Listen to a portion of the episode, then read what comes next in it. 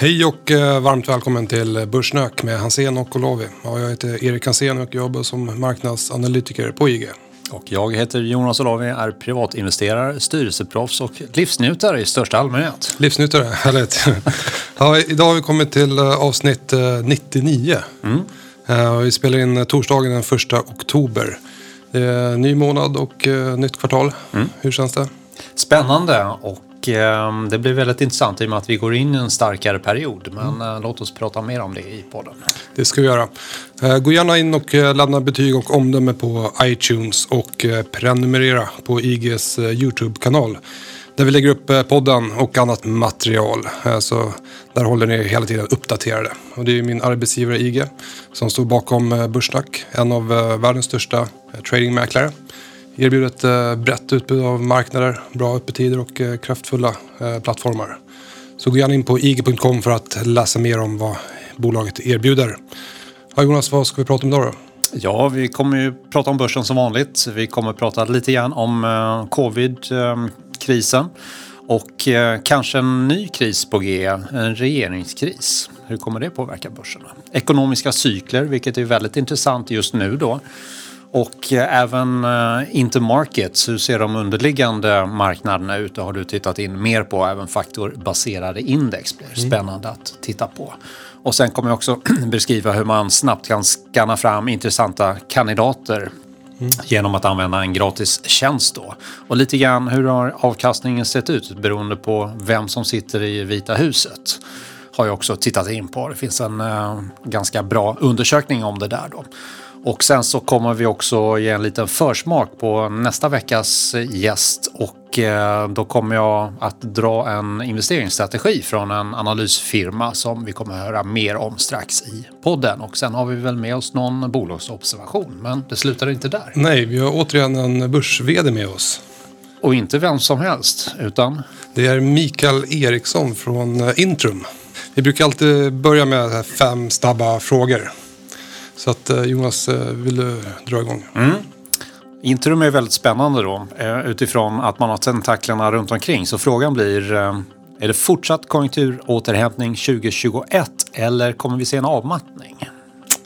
Du sa fem snabba frågor, innebär det fem snabba svar också eller? Äh, jag tror att vi kommer se en, eh, det vi såg tidigare i år, vi trodde vi skulle se en mer normaliserad marknad när vi kom in i fjärde kvartalet. Det är ju fördröjt, det är ju helt uppenbart.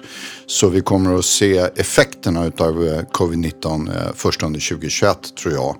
Eh, och det kommer nog innebära också en del överraskningar tror jag. Mm. Mm. Har eh, blankarna börjat lämna Intrum? Ah, det är ju en svår fråga. Va? Vi ser en, en nedgång eh, under de senaste fyra fem månaderna. Eh, men de finns fortfarande kvar och vi är fortfarande ett av de bolag som är mest blankade. Eh, så är det. Mm. Hur är känslan nu inför Q3-rapporten? Det är många som har kommit med omvända vinstvarningar och man har sett estimaten lite lågt ställda. Hur, hur är din känsla? Ja, alltså, jag skulle säga så här att vi gjorde ju ett andra kvartal som var starkt med ett starkt underliggande kassaflöde. Den tendensen har fortsatt under tredje kvartalet. Eh, eh, så det, på det sättet så känns det ju bra. Samtidigt så ser vi lägre eh, inkom- eller flöden av färre ärenden egentligen i flera marknader. Det kan vi prata mer om sen. Så det gör väl att slutet på året blir kanske lite långsammare. Men utifrån ett tredje kvartalsperspektiv så, så känns det bra. Förutom ditt arbete som VD, vad eh, arbetar du med för att eh, utmana dig själv? Oj. Eh, du vet med en familj med, med sex barn så saknar man ju inte utmaningar i, i sig. Va? Så att eh, det blir mycket familjeliv. Eh, försöker träna så mycket jag kan eh, och umgås med min fru. Eh, det är en, eh, en bra bas i, min, i mitt liv. På tal om ungdomar då, tycker du att man borde ha mer hushållsekonomi i skolan som ämne? Utan tvekan. Spännande. Det är en, eh, i min, från min horisont så är det ett klart eftersatt område och jag blir faktiskt bekymrad när jag ser med vilken begränsad kunskap ungdomarna kommer ut, högstadiet och gymnasiet, eh, kunskap när det gäller personlig och familjeekonomi. I en marknad idag där krediter har blivit ett sånt normalt och vanligt inslag. Jag menar, hur många av oss använder kontanter idag? Jag, jag har nästan aldrig kontanter. Jag får kontanter av min mamma ibland och jag vet ju knappt hur de ser ut om jag ska vara riktigt ärlig, de svenska pengarna. Va? Utan vi jobbar ju med kreditkort och vi har Swish och, vi, och så vidare. Det innebär att pengar är ju någonting man inte ser. Och det innebär ju att samhället successivt bygger upp större och större eh, ska vi säga, lager utav krediter på olika nivåer. Eh, här måste kunskapen öka. Mm. Okej, okay. då kör vi. Då kör vi.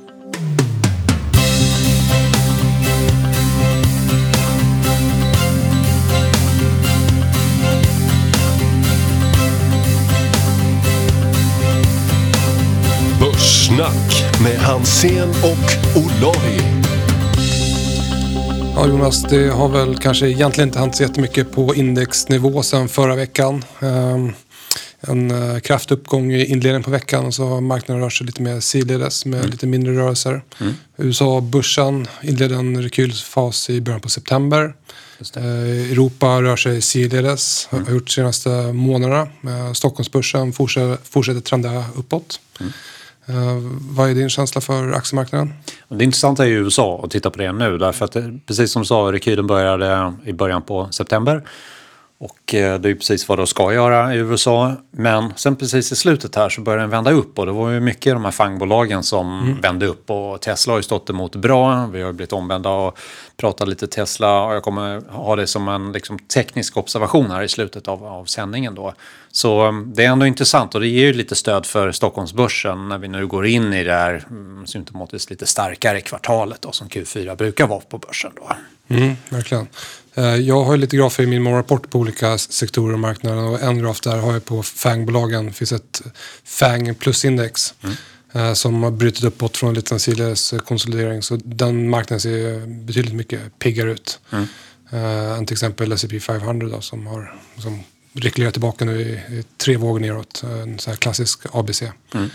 Men uh, min, min taktiska modell på, på en tre, månader, uh, jag har varit positiv sedan i, i, augusti när jag var tillbaka från, från semestern. Och uh, jag har lite olika parametrar i den. En parameter det är ju intermarkets, där man kollar på andra typer av marknader och sektorer. Men Inte man, på indexnivå börs utan nej, andra? Jag, jag kollar på indexnivå också. Jag, jag kollar på, på price action och formationer på index. Kollar på momentum, kollar på bredd och volatilitet. Uh, kolla på sentiment och positionering och säsongsmönster. Men sen kolla också då på intermarket. Så det är då sektorer eller marknader som brukar vara lite early warnings. De, de brukar vara lite ledande. Vad har du för observationer nu då? Ja, men om man ska sammanfatta den bilden så den övergripande bilden är ju att uh, de här marknaderna fortsätter att handlas i stigande trender. Uh, de flesta både på lång och kort sikt. Då. och, och då kollar jag på till exempel eh, timmerpriset. Jag kollar på halvledarbolag eh, som brukar vara lite cykliska. Eh, jag kollar på high yield eh, som brukar påverkas mycket av eh, riskaptiten. Jag kollar på Dow Jones transportindex. Jag kollar på FANG-bolagen. Då. Och de här fortsätter trenda uppåt. Den enda varningssignalen jag har där lite grann är att high yield i USA har börjat vika neråt och visar då en divergens mot, mot börsen. Då. Men överlag så, så ser, ser, bilden eh, positiv ut för, för de här marknaderna. Mm. Om man tar um, halvledarmarknaden, en observation där var ju att Sydkorea hade en ganska bra exportsiffra. Nu berodde det delvis på att man har fler arbetsdagar under mm. eh, månaden. Men eh, ändå positivt att det har svängt upp. För det är ju en väldigt ledande och tidig marknad som många med ett makroekonomiskt mm. fokus tittar på. Då, som Verkligen. en av ledande marknaderna. Verkligen. Och sen brukar jag också kolla på, jag har lagt till en uh, liten tabell i, i morgonrapporten på faktorbaserade index. Mm. Uh, och faktorbaserade index det kan till exempel vara growth, det kan vara value, uh, det kan vara low volatility, höga utdelningar och, så vidare. och så vidare. Eh, Och sen har jag en eh, relativ styrka-ranking där så att jag ser då vilka som visar relativ styrka på, på 6, 9 och 12 månader. Och så kör jag ett eh, snitt på det där. Och det vi kan se nu det är fortsatt growth och momentum eh, som rankas högst. Även small cap Sverige rankas högt.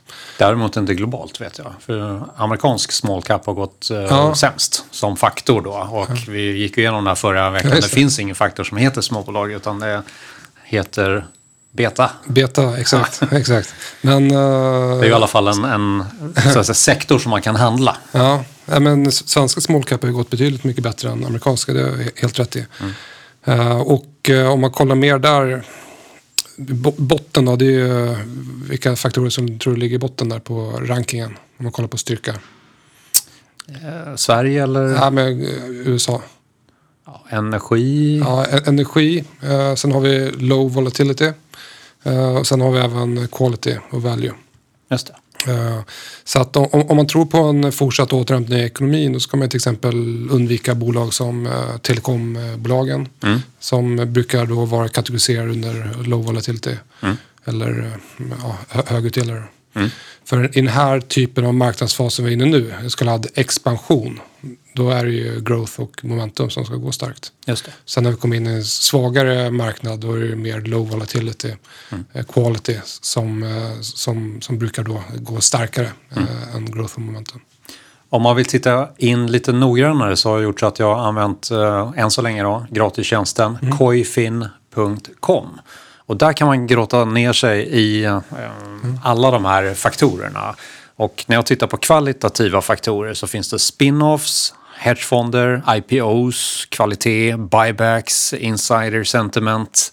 Ehm, och tittar man på de sektorerna, eh, eller faktorerna, så har IPO levererat bäst. Och det ska man ju ofta då ha köpt dem inför. Eller varit med på själva introduktionen förstås. Men många av de här har fortsatt gå bra då. Och eh, tittar man på IPO-korgen så ehm, eh, utmärker sig Zoom, eh, Livongo Health, Fastly, GSX, Tecto som är ett kinesiskt bolag, väldigt intressant. eh, Och Pelotron Interactive som har gått väldigt, väldigt starkt då.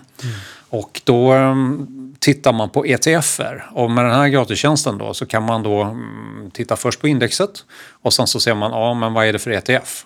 Ja, vilka är med i den här eh, ETFen?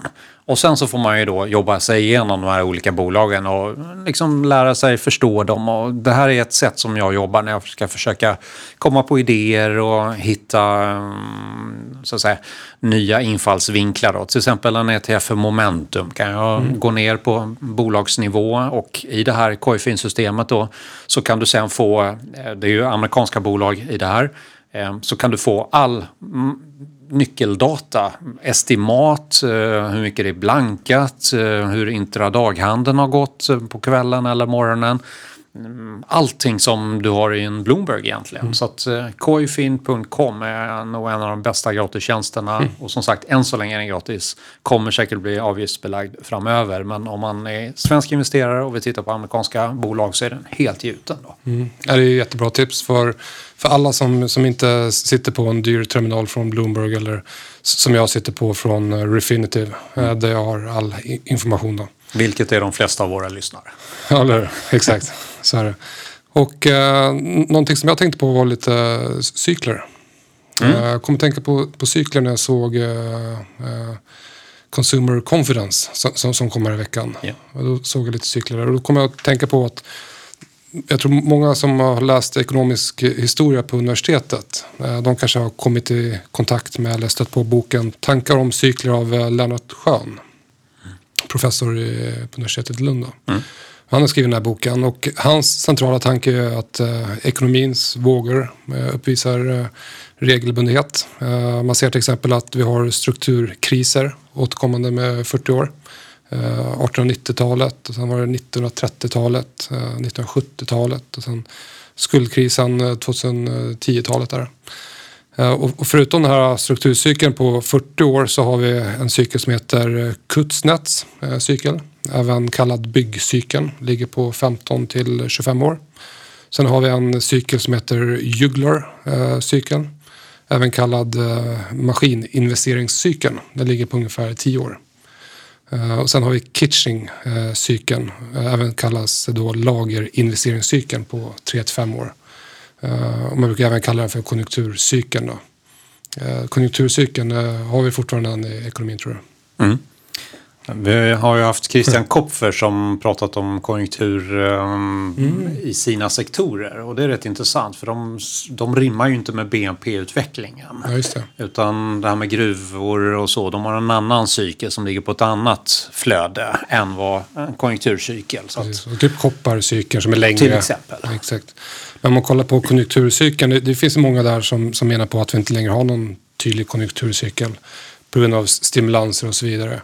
Men när man kollar på, eh, bara ta fram ett, eh, en graf på BNP-statistiken eh, där, eller tillväxten, kan man ändå se att eh, tillväxten bottnade 2009, eh, sen toppade den 2015, pratar USA då. Eh, och sen nu ser den ut att bottna igen eh, år ja, 2020 då. Mm. Så att eh, följer ändå de här eh, klassiska eh, cyklerna mm. som, som, man kan läsa om på universitetet. Mm. En annan cykel som jag tänker på är ju covid-cykeln. Ja. Och just i Stockholm så har ju antalet fall stigit rejält då.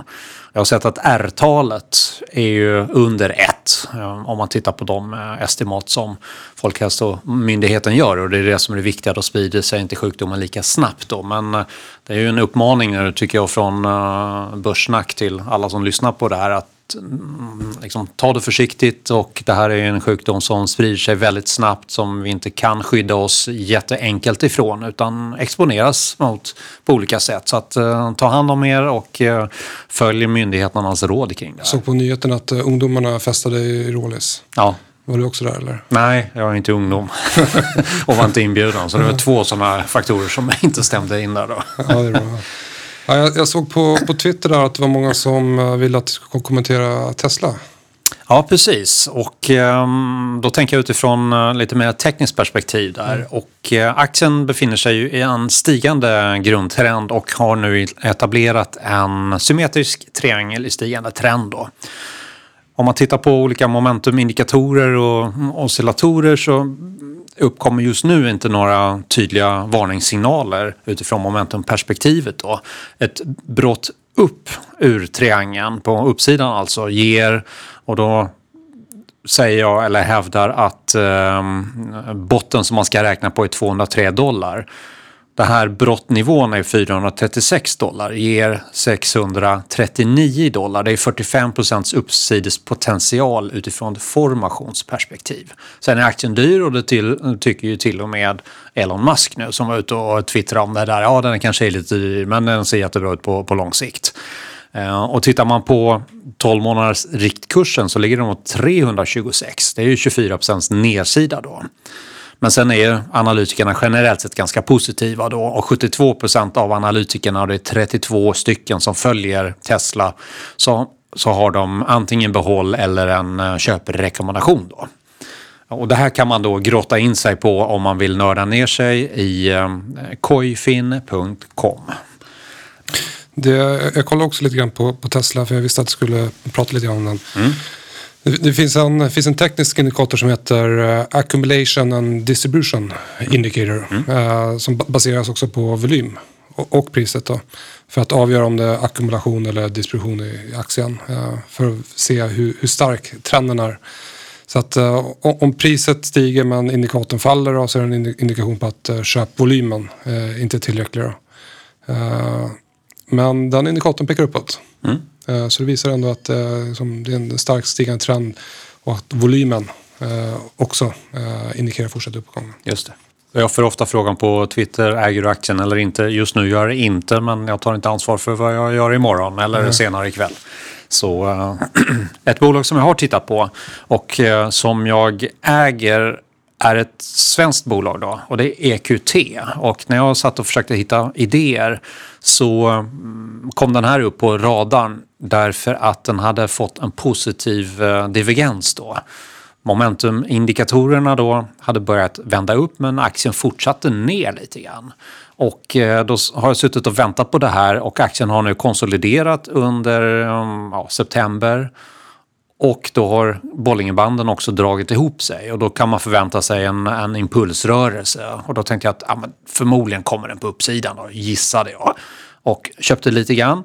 Och eh, än så länge har varit rätt. Kortsiktigt är den lite överköpt om man bara tittar på extremt korta perspektivet. Men de här divergenserna då när man ser att av, nedgångskraften börjar avta men aktien liksom inte har kommit speciellt djupt i sin rekyl brukar indikera att snart kommer köparna tillbaka. Och varför föll aktien? Jo, därför att när den varit uppe eh, på sina toppnivåer då, kring en eh, 240 då kom en del säljreka. Man tyckte att det här var ett dyrt bolag. Jag har ingen synpunkt på det. Men vad är EQT för ett bolag då?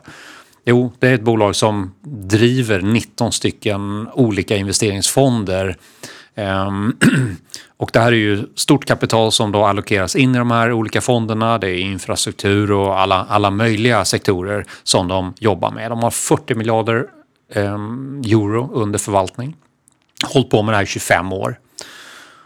Investor äger 18 procent av bolaget och grundarna äger ju en stor del av bolaget också. Så det här är en tycker jag, en bra investering om man vill komma åt private equity. Alla investeringsspecialister i det här bolaget är ute för att maximera värde. Det är lite skillnad i den DNA jämfört med många andra bolag där man har en uppgift, man är en del i värdekedjan. Här är alla fokuserade på att skapa värde så att man kan säga att bolagets anställda är aktieägarens bästa vän. För mm. de är ju själva aktieägare. Det var snitsigt. Men uh, eh, EQT har inte lika starkt momentum som uh, en aktie som jag tagit med mig. Nej, vilken är det? Husqvarna. Jaha. Är det en aktie som du kikar på senaste tiden? Ja, jag har tittat på den, men mm. det är inte en aktie som jag har Nej. handlat. Husqvarna, jag tror alla vet vad Husqvarna sysslar med. Det är trädgårdsmaskiner och redskap för park och, och skog. Eh, men aktien fick en eh, köpsignal här i veckan när den bröt upp till ny 100 dagars högsta från en period av låg volatilitet. Eh, låg volatilitet kan man ju då mäta som till exempel Bollingerbanden. Mm. Exempel avståndet mellan Bollingerbanden eller att man har en Bollinger Bandwidth indikator. Och den faller ner på en låg nivå så indikerar en låg volatilitet. Mm. Eh, men på ren svenska så, så, betyder det att aktien den handlas i en starkt stigande trend. Och sen då har aktien tagit en paus i den här trenden. Och sen nu då har den brutit uppåt och bekräftat den, den stigande trenden. kollar vi på endast P tal så kan ju den här aktien se dyr ut. Det är bolag som också växer starkt. Mm. Så om vi justerar, eller om vi också kollar på framåtblickande PEG-tal till exempel, som vi vet du gillar att kolla på. Eh, och kolla även på price sales och värdering mot eh, konkurrenter. Eh, så får aktien högt betyg i min momentummodell på värdering. Det får också högt, högt betyg på vinstutveckling, även lönsamhet och risk. Och såklart även på prismomentum. Då. Mm. Så det här är en aktie som har fått teknisk köpsignal här i veckan och den rankas också högt i min momentummodell. Eh, som tar hänsyn både till fundamentala faktorer och eh, tekniska. Då. Hur ser säsongseffekten ut i Husqvarna? Eh, det är en jättebra fråga. Jag antar att den är retorisk. Kan du inte berätta? ja, det är ju så att de går in i sina svagaste kvartal här. Och då brukar aktien ta en liten paus. Nu har den ju gått väldigt starkt. Ehm, så det skulle kanske kunna ligga som lite motvall då till en kraftigt stigande kursrörelse. Jag ska se här om jag tar fram en graf på just säsongsmönstret för aktien. För att säsongseffekterna vad kommer till eh, bolagets siffror kan ju också skilja sig mot, eh, mot aktien. Då. Och om man då kollar på säsongsmönstret för, för aktien så ser vi att eh, Aktien brukar gå lite svagare här under september och oktober. Eh, sen om man kollar på genomsnitt senaste tio åren så brukar den bottna eh, 20 oktober och eh, avsluta året starkt. Sen har den en bra period i början på året där första två månaderna. Mm. Ja, det är bra information att ta med sig om man funderar på att titta på aktien förstås. Absolut. Och jag vet att du vill prata lite grann om regeringskrisen. Ja, det har kommit upp en potentiell sådan och det är striden kring LAS här där man inte kan komma överens då. Um, och um, det här kan då riskera ett misstroendevotum mot Socialdemokraterna, mm. vilket skulle kunna späcka regeringen då. Kommer det bli så här nu? Det är ju då Vänsterpartiet som, som uh, har hotat med det här då. De säger att arbetsrätten får inte eh, man får inte göra någonting med det som har gällt tidigare och eh, Svenskt Näringsliv är ju för en annan linje då och har kämpat emot LO bland annat då. Det här skulle potentiellt kunna fälla regeringen men jag tror inte att det gör det därför att eh, det brukar skramlas rätt hårt från Vänsterpartiet och även om de inte har något reellt inflytande så Eh, kommer det säkert låta så efter att man har skramlat klart men det finns ju egentligen ingen poäng därför att då kan man potentiellt då lyfta fram deras hatobjekt, vilket är Sverigedemokraterna. Då. Ehm, och det skulle ju utifrån deras ideologiska perspektiv se knasigt ut. Så att jag räknar med att det är vapenskrammel, att man kommer komma överens kring eh, eh LAS-reglerna framöver. Då. Så att eh, den skriver vi av som en eh, icke-händelse. Mm.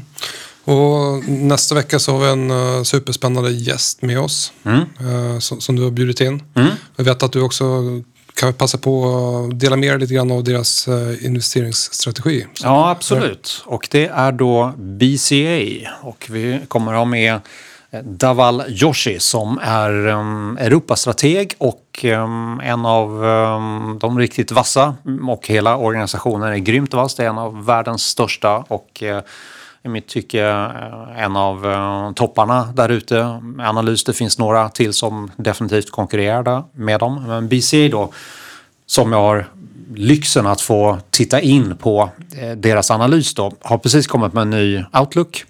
Och ehm, de tror ju på en ganska bra åter komst av tillväxt under nästa år och de räknar med att vaccin, vaccinet kommer att komma upp på banan då. Men att eh, finanspolitiken kommer vara väldigt stimulativ under nästa år vilket är gynnsamt för risktillgångar då. Mm. De Gillar aktier eh, kontra obligationer på 12 månaders horisont men just nu är de lite försiktiga, väntar sig en liten rekyl och har lite förhöjd kassa då. Och det ska vi höra mer om när vi pr pratar med Daval för ibland så går han emot den här officiella strategin. Då. Mm. Han har ju då ett europeiskt perspektiv ska sägas. Så det blir väldigt spännande. Då.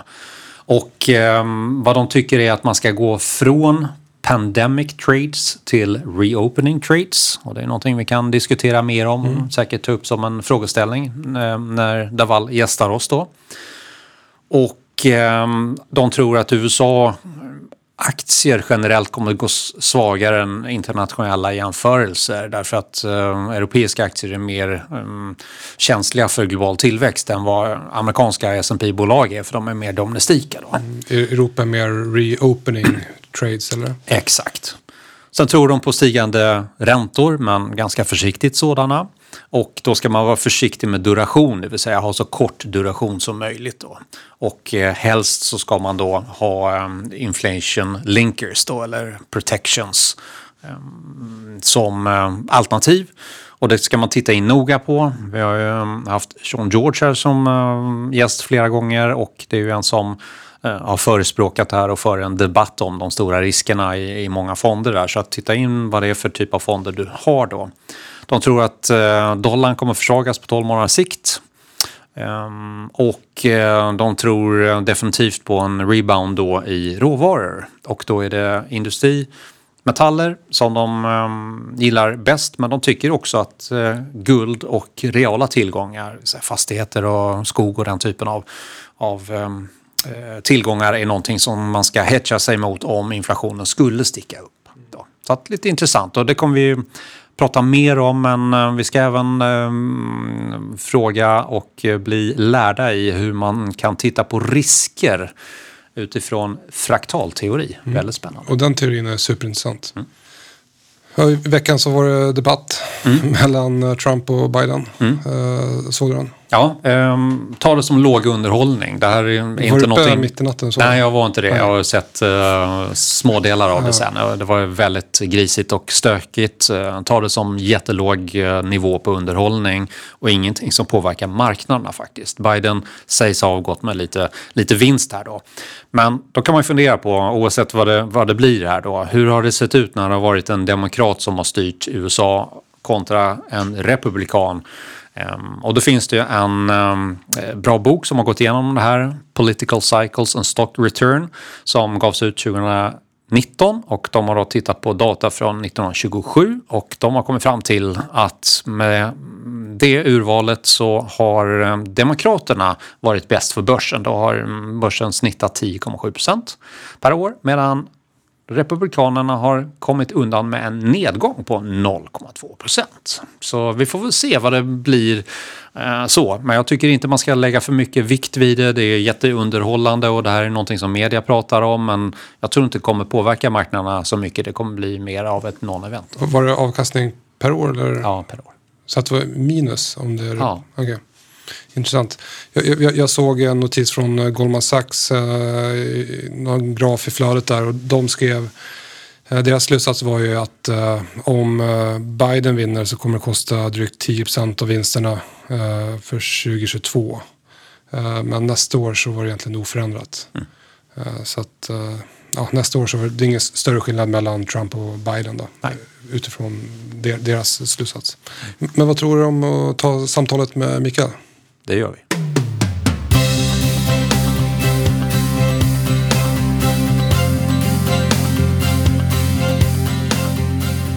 Varmt välkommen tillbaka Mikael. Tack så mycket. Din plan var ju länge att bli akademiker. Eh, idag sitter du som vd på börsbolaget eh, Intrum. Eh, hur såg resan ut? Oj, det var ju några år sedan om jag ska vara ärlig då. Men Eh, men jag läste ju nationalekonomi. Jag läste doktorandprogrammet i Stockholm och hade förmånen jag både undervisade och arbetade på Institutet för internationell ekonomi. Vilket ju är den numera framlidna alltså Assar Invex eh, var ju ansvarig på det institutet som forskningsassistent. Eh, ja, det är superkul. Men eh, jag hade läst samhällsvetenskapliga, eh, samhällsvetenskaplig linje på gymnasiet. Va? Så min, mina teoretiska kunskaper i matte var inte riktigt kanske vad jag hade önskat. Jag hade alltid tyckt matte var kul. Va? Jag hade tyckt att jag hade varit hyfsat på det. Men ni vet, om man tar en nationalekonomi, va? då börjar man med jämviktsteori. Det är ganska enkelt. Det är okej. Okay. Sen säger man att det finns en aspekt som heter tid. Och då får man sådana här dynamiska modeller där man ska hitta jämvikt. Det fixade jag. Men sen säger man att man kan inte förutspå tid. Utan då lägger man på stokastiska processer på det där. Då blev det riktigt, riktigt svårt. Så det var den ena delen. Va? Det blev liksom knepigt. Va? Den andra delen är ju så många gånger i livet en tillfällighet. En kväll med några goda vänner.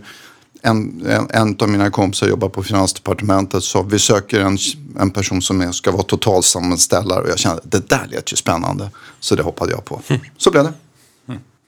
Vad har du mer gjort? Du har inte bara varit på Intrum utan du har haft många olika poster i näringslivet. Jag brukar ju säga det att jag har jobbat mellan 25 och 30 år i finansindustrin och när man säger så så är det väl närmare 30 än 25 om man ska vara ärlig då. Men, äh, jag har jobbat i bank. Mm. Det är så. Jag, jag brukar ju säga att jag fostrade i Handelsbanken, 16 år på Handelsbanken.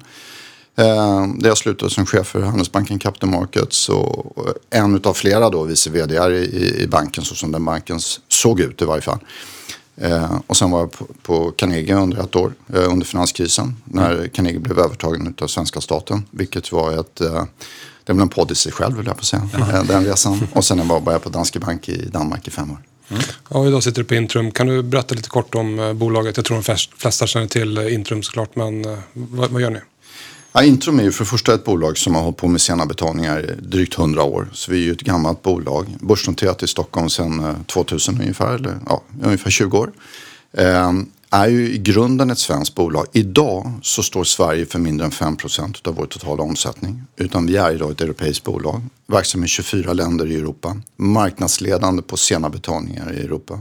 Någonstans mellan 80 och 85 000 klienter. Allt från små entreprenörer till stora finansiella institutioner som har sålt något som de har svårt att få betalt för och där vi hjälper dem att få betalt. Och vi kommunicerar med någonstans mellan 200 och 250 000 privatpersoner i Europa på daglig basis som har köpt något som de har svårt att betala för. Vi har också en liten, liten verksamhet i Brasilien med en aggressiv affärsplan för 2020. Man ska gå från en till två kunder och det tror jag man har lyckats med. Så ni förstår, i, liksom konceptuellt så är det en väldigt liten verksamhet i praktisk mening är vi idag ett europeiskt bolag och det största bolaget i Europa på eh, eh sena betalningar. Mm. Och ni gick väldigt starkt in i året. Eh, sen kom eh, coronakrisen. Ni har en stor eh, exponering mot eh, Italien och Spanien till exempel som har drabbats väldigt hårt. Eh, om du summerar året lite grann, vad, vad vill du lyfta fram? Ja, alltså, vi, det är ju rätt. Va? Jag menar, vi gick in i, 2020 var ju året vi skulle leverera på de målsättningarna som vi satte upp 2017 i samband med sammanslagningen mellan Intrum Justitia och Lindorf eh, på den tiden. Mm. Då. Eh, och eh, vi satte ju målsättningar 2017 som ju var en point in time om jag uttrycker mig så. Vi skulle leverera ett, eh, en intjäning per aktie på 35 kronor per aktie i slutet på 2020. Det var ju inte så smart om jag ska vara ärlig. Va? Jag kommer inte att rösta för det en gång till. Va? Man, man kan inte slå samman två stora bolag och så sätta en målsättning tre år på ett specifikt datum. Men vi har ju jobbat mot det där och det där det var ju ett, ett, ett mål som var ambitiöst från början och har varit ambitiöst under resan.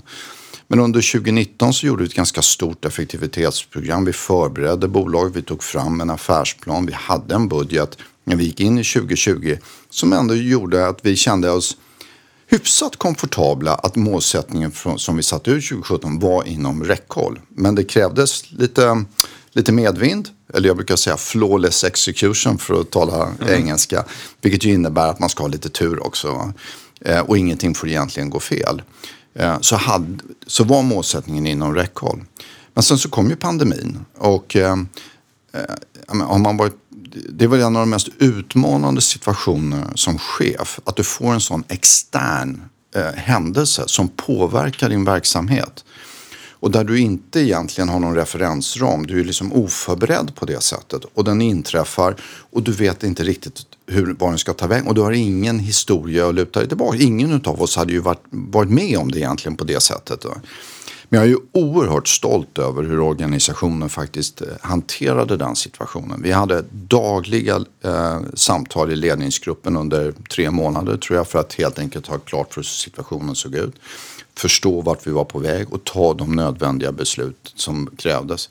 Vi hade eh, som mest eh, 80 procent av vår personal arbetande hemifrån och då ska ni ju veta det, mycket av vår verksamhet är ju i callcenter-miljö va? och där våra medarbetare jobbar genom säkerställda kopplingar in i våra system. Så vi lyckas ju upprätthålla våra kassaflöden eh, på, måste jag säga, riktigt stolt över hur vi, när jag tittar tillbaks på det andra kvartalet. Det är klart att vi är påverkade av pandemin och 2020 blir inte det året som vi hade hoppats på. Men givet förutsättningarna så, så måste jag säga är jag, är jag riktigt stolt så här långt. Man brukar ju säga att eh, sydeuropeerna prioriterar sina räkningar på ett annorlunda sätt än vad nordeuropeer gör. Mm, ja. Um, är det någonting som ni har märkt i och med att det har varit totala nedstängningar i södra Europa i, i mångt och mycket. Då. Ja, om jag då får liksom bli lite mer teknisk om vår verksamhet så man kan se hur det ser ut. Alltså, eh, visst, man kan säga den moralen kring att betala ser olika ut i olika delar av Europa. Det är väl ett annat sätt att uttrycka det på.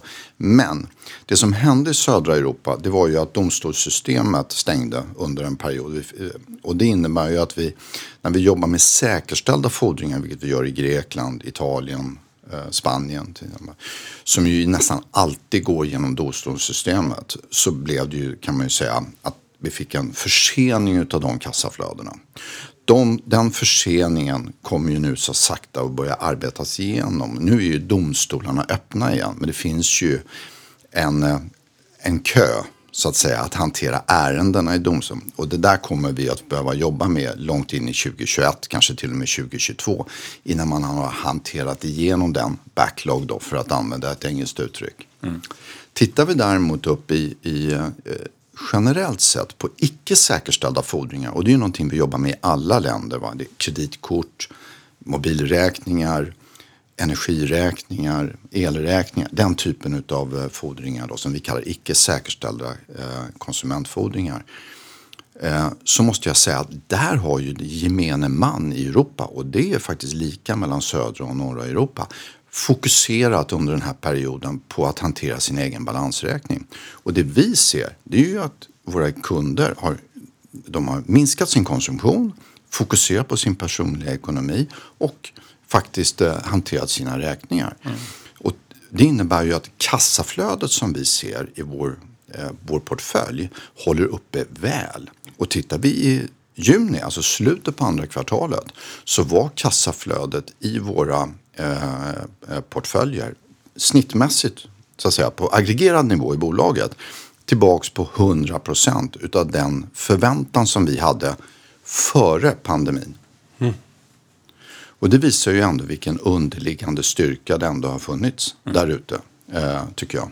Det var en intressant observation för man kunde ju föreställa sig att folk inte betalar räkningar men i och med att man, inte, man får inte gå ut så man kan inte komma, eh, handla så mycket då är det klart att ja, då betalar man av lån och sånt där. Så Nej, var det är rätt. Va? Och, det- och det är intressant. Jag, alltså, jag- för egen del, när jag stod i mars-april och nu vet man vet inte riktigt var världen är på väg. Va? Då kände jag ju liksom att eh, det här kan bli jobbigt. Precis det som, som du ger uttryck för. Folk skulle inte kunna betala sina räkningar, man slutade betala och, eh, eh, och så vidare. Så har det inte blivit. Däremot vad vi ser det är ju att antalet ärenden som kommer in eh, via vår vanliga serviceverksamhet har gått ner i flera utav marknaderna. Det beror nog delvis på att många av våra klienter, alltså företag där ute, visar ganska stor empati mot sina kunder och säger så här, vi skickar en påminnelse innan vi skickar fordran till inkasso. Vi ger folk en extra vecka att betala innan vi eskalerar ärendet. Och i en del marknader i södra Europa så finns det ju i den finansiella industrin ett moratorium där de säger att vi låter folk få anstånd, eh, det finns ju även här i Sverige, med att betala på sina bostadslån eller på annat om det är så att det är en stressad situation eller man är påverkad av pandemin. De här typen av regleringar kommer ju att verka ut under slutet på 2020 och början av 2021.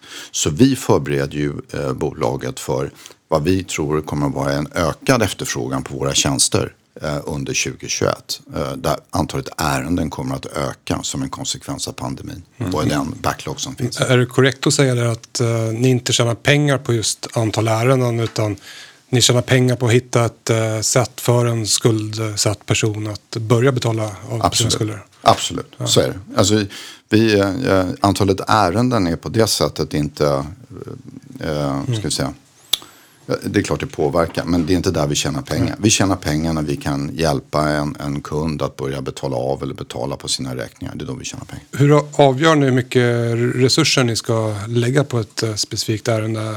Använder ni någon typ av statistiska modeller och sådär? Eller? Ja, det är en superintressant fråga och då, då kommer man in i kärnan i det som är egentligen vår affär. Eh, och det är precis att avväga balansen mellan hur mycket resurser ska vi lägga in på ett specifikt ärende eller på en portfölj givet hur stort kassaflöde kan vi generera. Den balansen, att hitta den, det är nyckeln i vår verksamhet. Och det innebär att vi jobbar kontinuerligt med data, information, kunskap. Därför talar vi ofta om hur viktigt det är för oss att ha en marknadsledande position i en marknad. För då känner vi marknaden, vi har datan, vi har kunskapen, vi har historien, vi känner våra klienter, vi känner regleraren. Då kan vi göra en mycket bättre bedömning. Jag kan faktiskt ge er ett exempel som är som konkret och det var att vi i eh, Polen för ett antal år sedan hade vi besvär med lönsamheten. Och då gjorde vi efter sammanslagningen en ganska noggrann analys av vår verksamhet. Och det visade sig att vi överarbetade de ärenden som fanns. För det är klart, jag menar om du är skyldig pengar på en mobilräkning och du eh, eh, inte kan betala och vi ringer till dig en gång och du inte kan betala. Om vi sen ringer fem gånger till, sannolikheten att du kan betala sjätte gången vi ringer den är ju inte så stor. Och för att inte säga den tionde gången. Och det innebär att varje samtal vi gör, varje aktivitet vi gör kostar ju pengar. Och det innebär att hitta den balansen. Så vad vi kunde göra i Polen det var ju att dra ner våra resurser och därmed förbättra lönsamheten utan att egentligen påverka vårt kassaflöde. Så det, det, du är spot on på den. Att hitta den balansen, det är nyckeln i vår verksamhet alltid. Vi jobbar väldigt mycket med våra datamodeller för att förstå det. Om man tar eh, Italien som jag är intresserad av, Mm. jag har följt inte dem länge då, så sägs det ofta att det inte finns en fungerande konkurslagstiftning där. Det är väldigt svårt att föra till ehm, lag ehm, när man ska driva in någonting. Hur ser du på den utvecklingen? Är det någonting som håller på att förbättras för ett bolag som er eller är det fortfarande tungrott? Jag ska inte säga att det är, är tungrot. Däremot så tar det tid. Det tar längre tid i de här länderna än vad det gör i vad vi är vana vid i norra Europa. Men så länge man är beredd på att det faktiskt tar lite längre tid så går det mycket väl att arbeta. Det, det landet vi har väl sett den snabbaste utvecklingen på slutet och det var ju kan man säga från låga nivåer när det gäller själva lagstiftningsmässigt. Det har ju varit Grekland. Det som är gemensamt för de här länderna, Grekland, Italien och Spanien, viss utsträckning Frankrike. Det är ju att det finns ett rejält problem med stora problemkrediter i det finansiella systemet. Och det är ingen som backar undan från den problematiken. Mm. Utan den är ju rejäl och den måste adresseras. Och det finns ju en gemensam bild av. Vårt sätt att adressera det för att få den här marknadspositionen som vi talade om tidigare där vi har kunskap och data. Det har ju varit att gå in i de här marknaderna i samarbete med ska vi säga, de största lokala bankerna. Så vi har ju etablerat ett partnerskap med Intesa San Paolo i Italien som är väl Italiens största bank, en av Europas största banker och med Piraeus Bank i Grekland. Och de där partnerskapen, det har ju varit ett sätt för oss att gå in i de här marknaderna, inte där vi nödvändigtvis har köpt en verksamhet, utan vi gör det tillsammans med de här bankerna. Det innebär ju att vi gör det med faktiskt lägre risk. Ja, I Italien så, den verksamhet vi bedriver i Italien den äger vi till 51 procent och konsoliderar. Intesa San Paolo äger 49 procent. Och de köpte faktiskt 49 procent av vår existerande verksamhet i Italien när vi gjorde det, joint venture. Mm. I Grekland så äger banken fortfarande 20 procent. Så det är verkligen ett ri riktigt partnerskap eh, där vi kommunicerar med varandra på i princip daglig basis. För oss det är ju det trygghet. För vi går in i en, en sån typ av marknad eh, ska vi säga, i, i ett partnerskap tillsammans, eh, tillsammans med den största lokala banken. Mm. Det är intressant för Hoist har ju i alla fall tidigare kommunicerat att genom att de då har en närhet till bankerna så får de en lägre risk, precis det du uttrycker. Kan man utläsa att det är en strategi där ni vill öka banknärheten för att då minska risken? I, man kan säga att det, det finns några sidor utav den. Eh, den ena är ju att för oss har det varit ett sätt att gå in i de här marknaderna där vi kan kombinera vår kunskap av inkassering och jobba med sena betalningar med bankernas kunskap om de lokala marknaderna. Um, och det ger ju oss en trygghet när vi så att säga kombinerar de, de kunskaperna. Sen att titta på att jobba med finansiella institutioner som en, en klientkategori hos oss är ju viktigt. Va? Finansiella institutioner i Europa är en, en, en, ska vi säga, en stor kund till oss som, som mm. kollektiv. Va? De genererar stora mängder av problemkrediter och de har som vi ser det ett stort behov av våra tjänster. Och finansiella institutioner är en, en viktig klientkategori för oss i alla länder. Därmed inte sagt att det är den enda. Vi jobbar ju med väldigt, väldigt många små, medelstora, ner till entreprenörer som kämpar med sin likviditet. Mm. Och, och för, förutom då eh, inkasseringsverksamheten så har ni ett annat ben i servicedelen där som också så redovisar i, i rapporterna. Mm. Kan du berätta lite mer om den delen? Det är ju någonting som egentligen har vuxit fram va, sen, ska vi säga, sen, sen 80-talet. Va? Och det är ju att våra klienter eh, också säljer portföljer utav problemkrediter. Och det var väl en naturlig utveckling. Va? Och den här marknaden har ju vuxit eh, ganska dramatiskt under de senaste 15-20 åren. Och idag så står det för någonstans runt 40 procent av vår topplinje är ju inkassering av egna portföljer som vi har förvärvat. Och eh, jag brukar säga att det är en naturlig del utav vårt värdeerbjudande till våra klienter. Så när vi möter en finansiell institution till exempel, då kan vi erbjuda antingen ren servicingkontrakt där vi liksom jobbar med ärenden och den binder ju ganska lite kapital. Men vi kan också erbjuda förvärv av en, en, en, en portfölj av problemkrediter. Eller vi kan göra andra varianter utav det och vi kan göra carve-outs och så vidare. Eh, det där är ju, men det är klart att köpa en portfölj drar lite mer kapital. Så vi brukar säga att vi kombinerar en kapitallätt verksamhet med mer kapitalintensiv verksamhet. Men vi har skapat ett antal egna restriktioner runt det och det innebär att vi vi förvärvar bara portföljer i marknader där vi har en egen servicekapacitet. Och den stora majoriteten av portföljer köper vi från klienter som vi har arbetat med tidigare. Ehm, och vi hanterar eh, alla portföljer själva. Så vi, vi, liksom, vi inkasserar på dem själva. Och det innebär, som jag brukar säga, att när vi köper en portfölj då är det egentligen början på vårt liv tillsammans med den portföljen. För det innebär att vi har ju en, en inkasseringschef som sitter i något land någonstans som jobbar och tittar på kassaflödet i den här portföljen varje dag. Och jobbar med den och ser man att kassaflödena viker så gör man aktiviteter för att höja kassaflödet. Det blir ju en del av den dagliga verksamheten.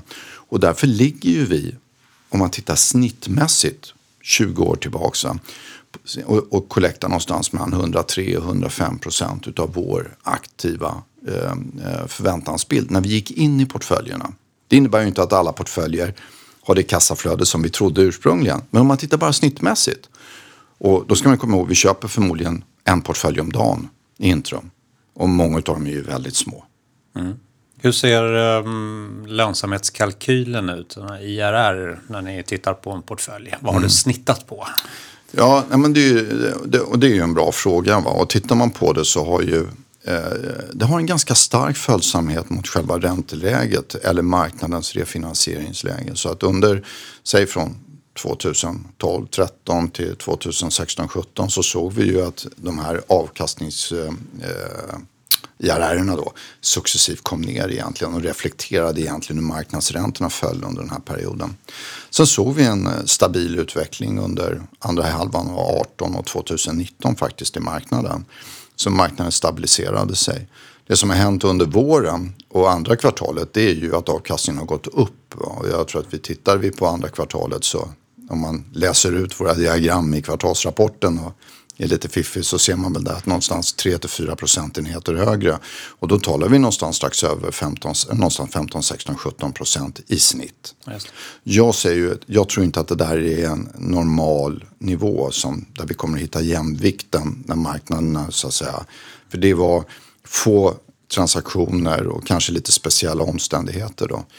Men eh, jag menar, vi, tittar vi på vår balansräkning så avkastar vi väl någonstans 13 eh, procent. Det är väl ett gott riktmärke mm. över tid. Mm. Jättebra. Och om vi pratar lite grann om, om aktien.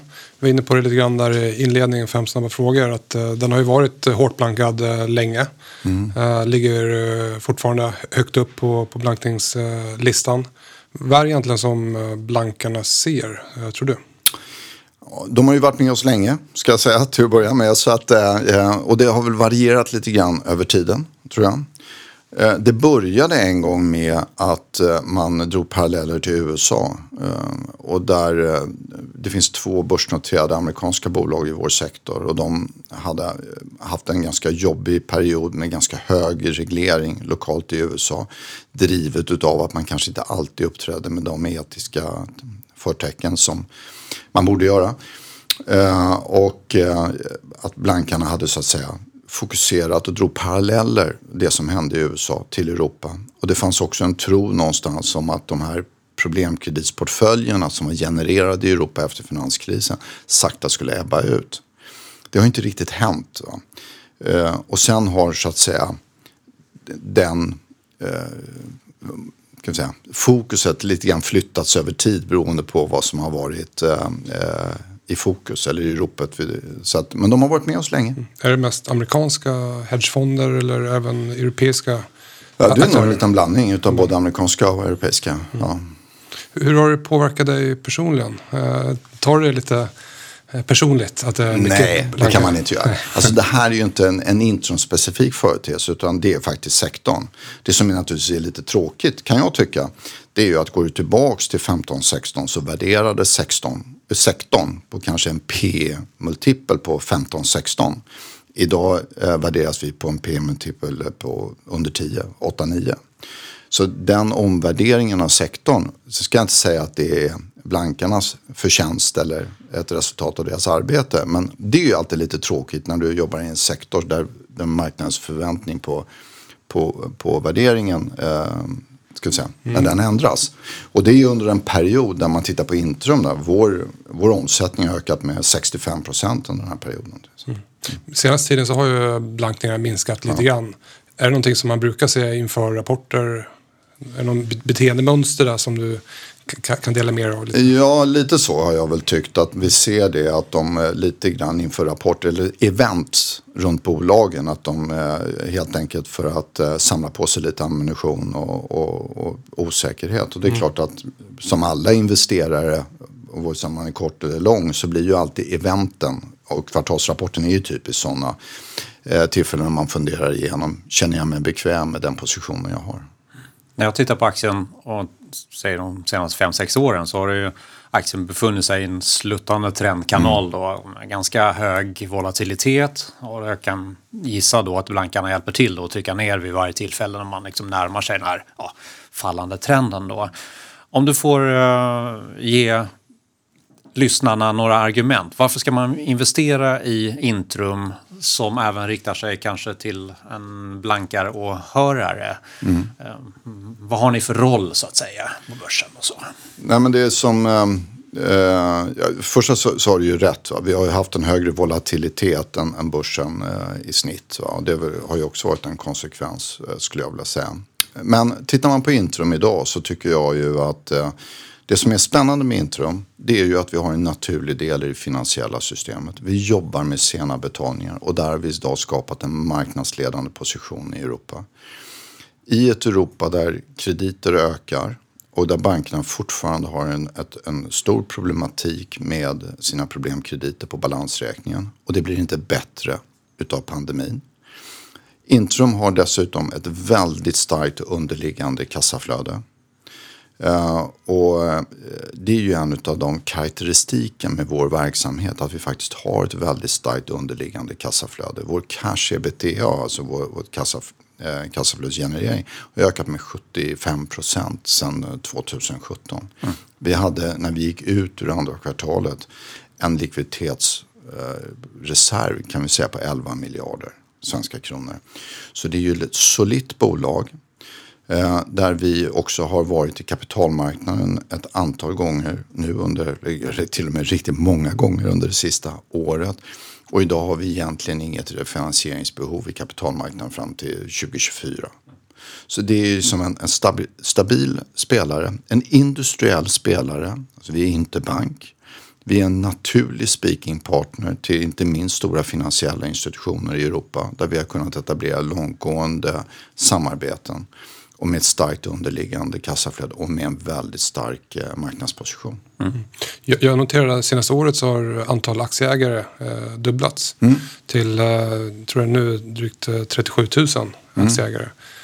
Har det blivit lite grann av en folkaktie nästan? Nej, jag vet inte om man är folkaktie med 37 000 aktieägare. Men jag brukar säga så här ibland. Vi får ofta, jag får ofta frågor om de här shortsellers. Och de är några stycken. Jag pratar hellre om de 37 000 som faktiskt tror på det vi gör. Och som har köpt eh, aktier i, i Intrum. Det är mycket roligare. Och jag är väldigt glad för det. Det är jätteroligt att vi ser att antalet aktieägare har ökat. Om man tittar på konkurrenterna, så de man tänker på i Sverige kanske det är Collector och Hoist. Men om man tittar lite mer europeiskt, för ni är ju, är ju egentligen ett europeiskt bolag. Mm. Vilka är de stora konkurrenterna? Det varierar lite grann från marknad till marknad. Och vi har väl egentligen ingen som är konkurrerar på med den europeiska plattform som vi har. Uh, det finns eh, lite, säger man, det finns ett privatägt tyskt bolag som heter EOS som eh, konkurrerar med oss i framförallt ska vi säga, kontinental och östra Europa. Eh, Arrow är ett börsnoterat engelskt företag som har sin bas i England och som jobbar i Holland och Portugal och eh, Spanien och sådär. Så det finns lite olika bolag. Mm. Men vad det framför allt finns eh, i Europa det är ju en svans av väldigt många små företag i många länder som jobbar med inkassering ner till eh, ska säga, advokatbyråer. Mm. Eh, och eh, här tror ju vi att det kommer att ske en, en konsolidering över tid. Och, eh, det har ju funnits en diskussion i, i Bryssel och, men som vi stödjer och det är att man ska skapa en licensiering för företag i vår sektor på europeisk basis. För att helt enkelt ta bort en del av dem kanske som inte uppträder riktigt så som vi tycker att man ska uppträda i en sån här marknad. Vi jobbar ju ofta med människor som är utsatta och det är ju viktigt att vi möter dem med hög grad av empati och, och, och på ett riktigt sätt och verkligen försöker hjälpa. Och det kanske inte alltid så har varit i vår bransch i alla marknader. Och därför så tror vi att en, en licensiering på europeisk nivå skulle vara bra. Det skulle mm. också driva konsolidering. Om man tar det som en följdfråga då efter att ni gick samman med Lindorf så gjorde ni ganska stora eftergifter mot Konkurrensverket. Tolkar jag det då som att det kommer inte bli några stora förvärv utan snarare då de här lite mindre kompletterande förvärven som vi kommer se Intrum göra framöver? Vi har ju alltid en ma agenda och det har vi därför att vi har så starkt underliggande kassaflöde. Eh, så är det. Men eh, visst, det är klart att eh, eh, den resan med konkurrensmyndigheterna som ju faktiskt förvånade oss och inte var i linje med det vi hade förväntat oss. Även om jag idag är tacksam för att det blev som det blev. Mm. Därför det var ju faktiskt så att vi såg framför oss att vi skulle eh, slå samman eh, verksamheter i tio länder och ta ut synergier. Eh, genom det utslaget eller den ska man säga, rekommendation som vi fick från konkurrensmyndigheterna på europeisk basis så sålde vi verksamheten i fem nordiska länder. Det gjorde vi till ett engelskt reglerat företag som heter Lowell. Och vi kunde göra det Eh, på samma multipel som vi gjorde sammanslagningen mellan Intrum och Lindholm. Det fanns inget värdeförlust för våra aktieägare. Och också någonstans bekräftade den värde som vi böt aktier på i själva sammanslagningen tycker jag. Men det gjorde att vi slapp ta ut synergierna i de här fem länderna som inkluderade Sverige, Norge, Danmark, Finland och Estland. Vilket naturligtvis var väldigt skönt. Vilket gjorde att integreringen som vi tog hand om blev bara fem länder. Mm. Så att, eh, jag är faktiskt rätt glad idag över hur det, att det blev som det blev. Mm. Men visst, det är ju viktigt. Vi tar ju med oss det i den mån vi skulle titta på den typen av förvärv och därför kanske inte det är så högt upp på listan. Mm. Intressant. När jag var på Alfreberg så ägdes vi av BNP och jag bad BNP räkna på det här som då släpptes loss. Jag ja. vet inte om det blev så att de gjorde det men ja, då blev det ett brittiskt bolag istället ja. som kom in som köpare. Ja, det ser. I, I måndags så släppte ni er EPR-rapport, ja. uh, European Payment Report. Finns på er hemsida, jag kan lägga till den till lyssnarna också i poddbeskrivningen. Men, men vad, vilka är de, de största insikterna som, som du vill lyfta fram från den rapporten? Och först den rapporten, vi har ju intervjuat i, i stort sett 10 000 företag runt om i, eh, i, i Europa. Och det är ju liksom en del av vår verksamhet och som vi tycker är, är viktigt. Då. Eh, och eh, privatpersoner. Eh, alltså det, det, jag kan konstatera det är ju att eh, eh, det är klart att pandemin har påverkat. Eh, det jag ser i rapporten eh, det är ju en förväntan framförallt i södra Europa, om en vikande konjunktur 21 och 22. Det är 8 av 10 responderar att man kommer att se det. Så det får man väl säga är nästan tick that box i sånt fall. Det är tydligt och medvetet det är med. Men det man också ser, va, hur man responderar på detta. Visst, man fokuserar på kostnader, men det är också ett ganska brett arsenal eh, utav där europeiska företag förbereder sig för hur man ska hantera en eh, konjunkturnedgång, vilket jag tycker är lite intressant. M&A kommer ganska högt upp i en del marknader till exempel.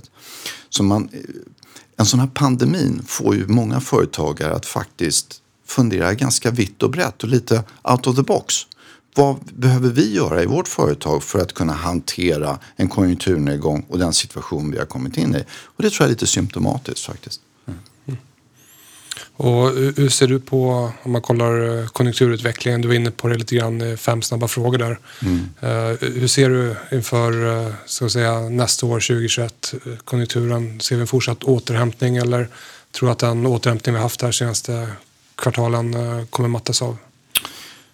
Om jag får ta ett steg tillbaks då. Så när vi stod i mars, april så var det ju, vi hade ju väldigt svårt att göra en bedömning om hur marknaden skulle se ut. Vi såg en ganska snabb, tror jag, generellt sett konjunkturnedgång. Vi talade ju liksom om en BNP-tapp på 10, 12, 13 procent i många länder i Europa. Jag tror vi, den effekten har ju varit fördröjd skulle jag vilja säga. Och vi ser en bättre utveckling någonstans generellt sett än vad vi trodde då. Däremot så, så, så, är det klart att det finns en uppbyggnad utav problemkrediter i det finansiella systemet. Det tror jag vi ska komma ihåg. Eh, de kommer inte riktigt ut så snabbt. Delvis beroende på att i många länder så, så finns det liksom respit i de här hanteringarna om man har fått en, en fördröjning utav det. Det kommer att komma 2021 tror jag. Som, 2022. En, som en eh, andra våg. Som en andra våg. Mm. Och de volymerna som vi trodde att vi skulle ta hand om under andra halvåret i år, de ser vi inte riktigt idag. Däremot som jag sa förut så ser vi ju starkare kassaflöde i våra, våra backbooks. Men eh, det kommer att komma 2021, 2022. Så att jag tror att vi, eh, eh det, det, det, säger så här, det blir ett spännande 2021. Eh, och jag tror att eh, räkningen för pandemin, den har vi inte sett fullt ut än. Eh, vi var inne på det här också med um, ökade skuldsättning generellt sett och kunskapen i skolorna är generellt låg. Det finns lite intresse att ta upp mm. det. Vad gör Intrum för att ta en del i den här debatten? Ja, men vi, vi jobbar ju på flera områden. Vi har ju den, det vi kallar, vi, bland annat så gör vi ju de här typen av Eh, Eh, undersökningar då, som vi talade om tidigare. Eh, European Payment Report och European Consumer Payment Report som vi gör eh, varje halvår. Eh, för att helt enkelt informera, upplysa och tala om konsekvenserna av sena betalningar. I Sverige har vi i många år jobbat med ett utbildningspaket där vi helt enkelt hjälper lärare med ett utbildningspaket som ska underlätta för dem att, att bedriva utbildning om privatekonomi i högstadiet. Eh, det tycker vi är jätteviktigt. Men vi kommer inte, Intrum kommer inte enskilt att kunna lösa den utmaningen. Vi måste, fler måste hjälpas åt. Vi måste hjälpas åt att utbilda den, framförallt den yngre generationen om konsekvenserna av krediter. Jag tror det är jätteviktigt. Mm. Jag vet Aktiespararna gör ju sitt initiativ via Ung Privatekonomi, och föreläser. Jag har själv varit ute i Engelska skolan mm. och föreläst om marknader och ja. hur man kan tänka kring sparande och så här då. Så att uh, vi är många som måste kavla upp ärmarna där. Så ja, det tror jag. Hur, jag tror det är jätteviktigt. Hur tror du att det kommer sig att det är så svårt att få gehör uh, bland politikerna uh, just kring den här frågan? Ja, jag vet inte. Jag, jag, jag, jag, tror att det är en, jag tror att det finns en allmän medvetenhet om, och vi läser ju ofta om den här uppbyggnaden av eh, krediter i samhället och den problem som det medför och så vidare. Eh, så jag tror att det finns en medvetenhet. Det är väl som vanligt en balans mellan resurser och vad man vill göra. Mm. Men att det är nödvändigt, det tror jag är jätteviktigt. Om vi tar två avslutande frågor. Mm, vilka insikter har du idag som du önskar du hade för tio år sedan? Oj, ja du. Uh, men det har varit en fantastisk, det är fantastiskt roligt att jobba på Intrum. Det är ett väldigt spännande bolag. Och uh, det är roligt att jobba i en miljö där vi har en verksamhet i så många länder och möta så många kulturer. Och uh, ha respekt för de kulturerna som finns i varje enskilt land. Det har varit väldigt, väldigt spännande för mig, tycker jag. Mm. Och sista frågan. Eh, kan du dela med dig av något eh, tips för att eh, förenkla vardagen i, i livet? ja du, den är bra. Förutom att ha en trygg familj hemma och mm. någonting att komma hem till på kvällen, vilket ju alltid är viktigt. Ja, men jag tänkte på det där. Jag, eh, och då slog det mig en sak. Man, om, man, om, jag går tillbaks i tiden, va? hur man gjorde med sina egna räkningar. Va? Jag hade en tendens, man la dem på hög hemma va? och så kom man till slutet på månaden så satt man sig en kväll. Nu ska jag betala räkningarna. Va? Så sprättade man upp dem där och så började man lägga in dem på banken för att betala dem. Och så blev jag alltid lite överraskad för det var alltid mer än vad jag trodde. Så vad jag gör numera, det är att så fort jag får en sån här räkning hem så lägger jag in den på min eh, bankapp på det mm. datum när den ska betalas. Så jag kan liksom varje dag gå in och se hur mycket liksom, pengar går ut när jag kommer till slutet på månaden. Mm. Eller vid en speciell dag.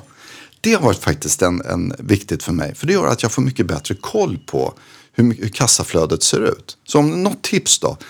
Vänta inte med att stoppa in de där räkningarna på, på banken. Lägg in dem med en gång med rätt datum så de finns där. Så du blir påmind när du går in på din bankapp. Det kan väl vara ett tips då. Mycket bra tips. Mycket bra tips. Det kommer jag ta vid. ja, stort tack för att du kom till, till Börssnack och uh, lycka till i, i, framtiden. Tack så mycket. Stort tack. tack för att vi kom.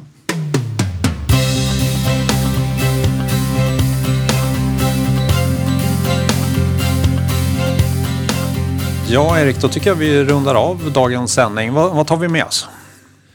Uh, nej, men det har egentligen inte hänt jättemycket på, på indexnivå på aktiemarknaden. Uh, vi ser att, uh, i och för sig att FANG-bolagen har börjat återhämta sig. Uh, jag har en fortsatt positiv slutsats i min modell på en till tre månader. så att jag har inte reviderat den än. du då? Ja, men jag håller med dig. Det har inte hänt så mycket och det intressanta är vad som kommer hända framöver nu då. Fjärde kvartalet brukar vara starkt och jag ser med tillförsikt eh, fram emot de här sista månaderna då och se vad man kan göra på marknaden. När vi pratar bolagscase så tittar vi lite grann på Tesla, teknisk formation som är intressant och brukar eh, vara en fortsättningsformation.